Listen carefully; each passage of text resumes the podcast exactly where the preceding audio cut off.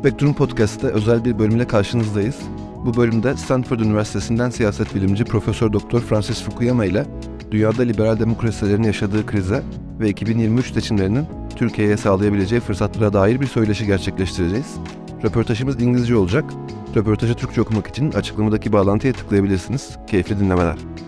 Hello, this is Bartu from Spectrum. Today we will have an interview with renowned political scientist Francis Fukuyama. We will talk about the crisis liberal democracies face and how the elections can alter the course of democracy in Turkey. Hello, Professor Fukuyama. Thanks so much for talking to us, Aposto. I've just listened to your uh, speech in, in, the, in the Economic Congress, and you are one of the prominent figures of liberal democracy in the world, and mostly known by your uh, historical book, The End of History. And as you have mentioned in your speech, liberal democracy is is in crisis throughout the world uh, nowadays, and and the number of autocracies are rising while uh, at the same time the number of autocracy uh, democracies are falling. How do you analyze the current struggle of liberal democracy and, and and what are the main dynamics behind this crisis? And I really wonder your thoughts about how like what the liberal democrats should do to restore the uh, liberal democracy in the world. Well, uh, there's several different threats to liberal democracy. So there's a geopolitical threat right now that's um, exemplified by Russia and China, and that has turned into an overt military threat, you know, with the Russian invasion of uh, Ukraine. And so I think it's important at a geopolitical level to show these countries that they cannot get away with attacking democracy using uh, overt military force and uh, to deter future attempts to use force in a similar way. I think the one that people are worried about most is China attacking Taiwan in the same way that, that Russia attacked Ukraine. But for other countries, and particularly for Turkey, the struggle is an internal, um, domestic one where the main issue is winning elections. Uh, I think that there's an opportunity uh, for Turkish democracy to make a comeback if the opposition can actually organize well enough to uh, win the up- upcoming election well, this is the same issue for us in the United States. Uh, the only way that we're going to defeat our form of populism is by winning elections. I think election last November was good for democracy in America because a lot of the pro-Trump populist uh, candidates lost uh, their election bids. Uh, and I think something like that, you know, needs to happen in every country where elections are still possible. Now, unfortunately, there are a lot of countries where uh, authoritarianism has consolidated to the point that there really aren't meaningful elections. And in those cases, you know, you've got a much uh, longer term struggle going on. You know, I don't think Turkey is there yet. Uh, so, you know, you've got an opportunity really to use the ballot box to reverse the kinds of trends that we've seen in the last decade. If the pro democracy opposition in Turkey will win the election, what do you think the challenges they, they will face? It, will it be easy to restore democracy, or, or what might happen, do you think? It's going to be a huge challenge. You know, the first challenge is going to be economic. Uh, Turkey has an incredibly high rate of inflation that's brought on deliberately by, you know, Erdogan's crazy policy, monetary policy. I think that there's, um, you know, budget deficit and the need to uh, rein in the money supply. Uh, but those are all going to be very painful measures because interest rates are going to have to go up and, you know, it's likely to trigger a recession. And that is going to be very bad for the incoming government uh, to have to deal with this legacy. But unfortunately, to some extent, um, you know, it, it can't be avoided because Turkey's economy is heading in the wrong direction. And unless there's a big shift in policy, it's, uh, it's going to continue to deteriorate. But there's other aspects to democratic governance that are important. You know, what I said in my talk is that what people really want out of democracy is, in a way, very local and oriented towards the services that governments are expected to provide. The failure to respond adequately to the earthquake, you know, I think was damaging to the current government. And so a new government needs to make sure that uh, it has the authority to actually you know, build roads, make sure the electricity stays on, enforce building codes, you know, all of these relatively day to day activities that may not seem very dramatic, but are really what, in the end, uh, people want a democratically accountable government to provide for them. And so I would say that that focus uh, needs to be there. I, I want to ask a question about the election uh, strategy for the opposition. So in Turkey, the pro-democracy opposition parties from very different ideologies now trying to defeat the, the populist government uh, by forming a wide alliance. But the same election strategy failed uh, in Hungary against Orban. The same strategy actually worked in Israel. But we have seen that after coming to the power in Israel, the, the, the coalition failed because of the internal uh, disagreements.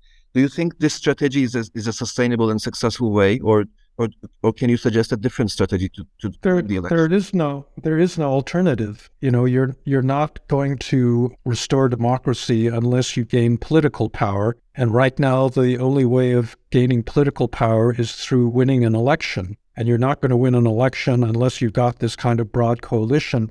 Just because it didn't work in Hungary and in a few other places doesn't mean that uh, it's you know it's the a failing strategy. I mean, really, the only alternative is a military coup, and nobody wants that. So I think that, you know, democratically inclined people in Turkey really have to concentrate on coalition building and coming up with a program that is actually going to be popular uh, if they do actually succeed in coming to power. Yeah, and in your speech, you mentioned the importance of a common national identity to restore the liberal democracy, and I think that was a, that was a brilliant mention. But nationalism and national identity has, have always been a conflict area in Turkey because of secular, secularism debate and also because of the Kurdish issue. How do you think we can we can build a common national identity without falling to the trap of uh, of the ethnic tensions or you know the religious tension? Well, as I said, I don't think that national identity in Turkey should be built around religion. You know, that was one of Ataturk's great contributions was to try to redefine a Turkish nationalism that was not based in religion.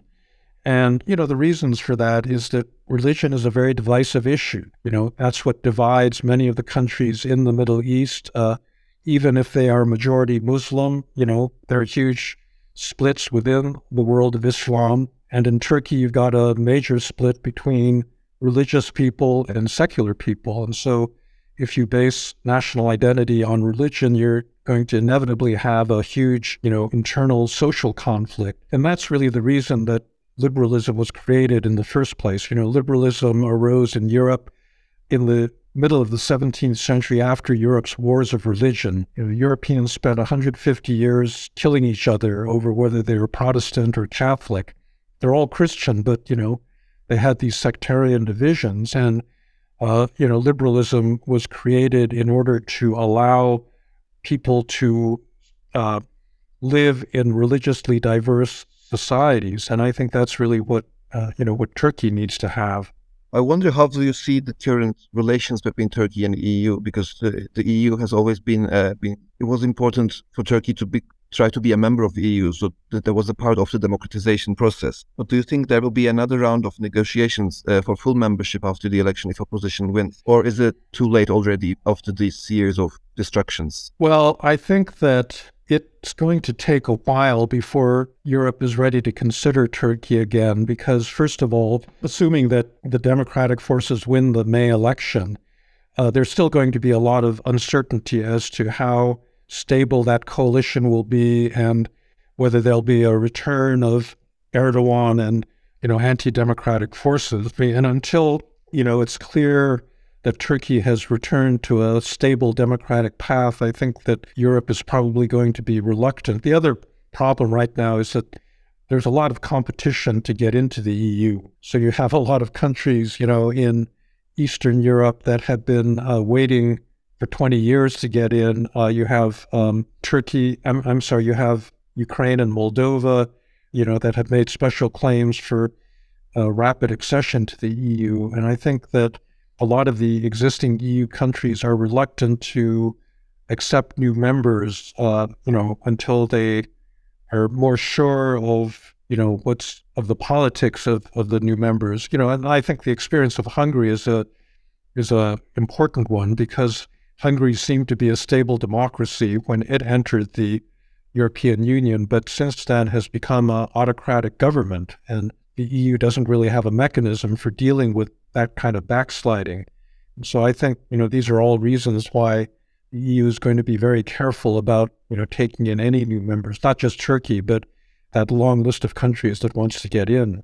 Uh, Professor Fukuyama, my, my last question is about the globe, but not about Turkey. So I think in global north, the this rise of right-wing populism is a result of negative consequences, let's say, about of the globalization. But in the global south, the reason is, I think, more about the a new emerging middle class. Uh, I, I don't know if, if you agree, but the result is the same. The result is always the right-wing populism.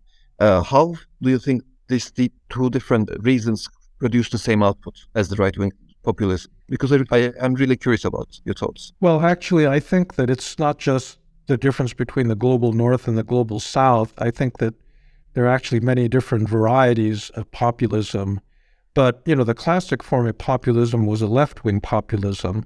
And you still see that in, in many places. In Latin America, for example, you have a number of populist presidents that have been elected in Chile, in Colombia, in Peru, and they are not like European populists. They're kind of traditional people that worry about economic inequality. And I think that that's also true in many parts of the global south. The other thing is that there is, you know, resentment, I think, to Western domination of the global economy that uh, is not necessarily ideological, but it's, uh, you know, just the experience of colonialism and, you know, the past several decades of, of Western policies that have uh, made people unhappy with the fact that the West continues to dominate global institutions. So all of those are separate reasons for populism, and I don't think you're going to cure them, you know, with a single solution. Fukuyama, thanks so much for your time. They're all my questions. Thank good to talk to you. Bye bye. Bye bye.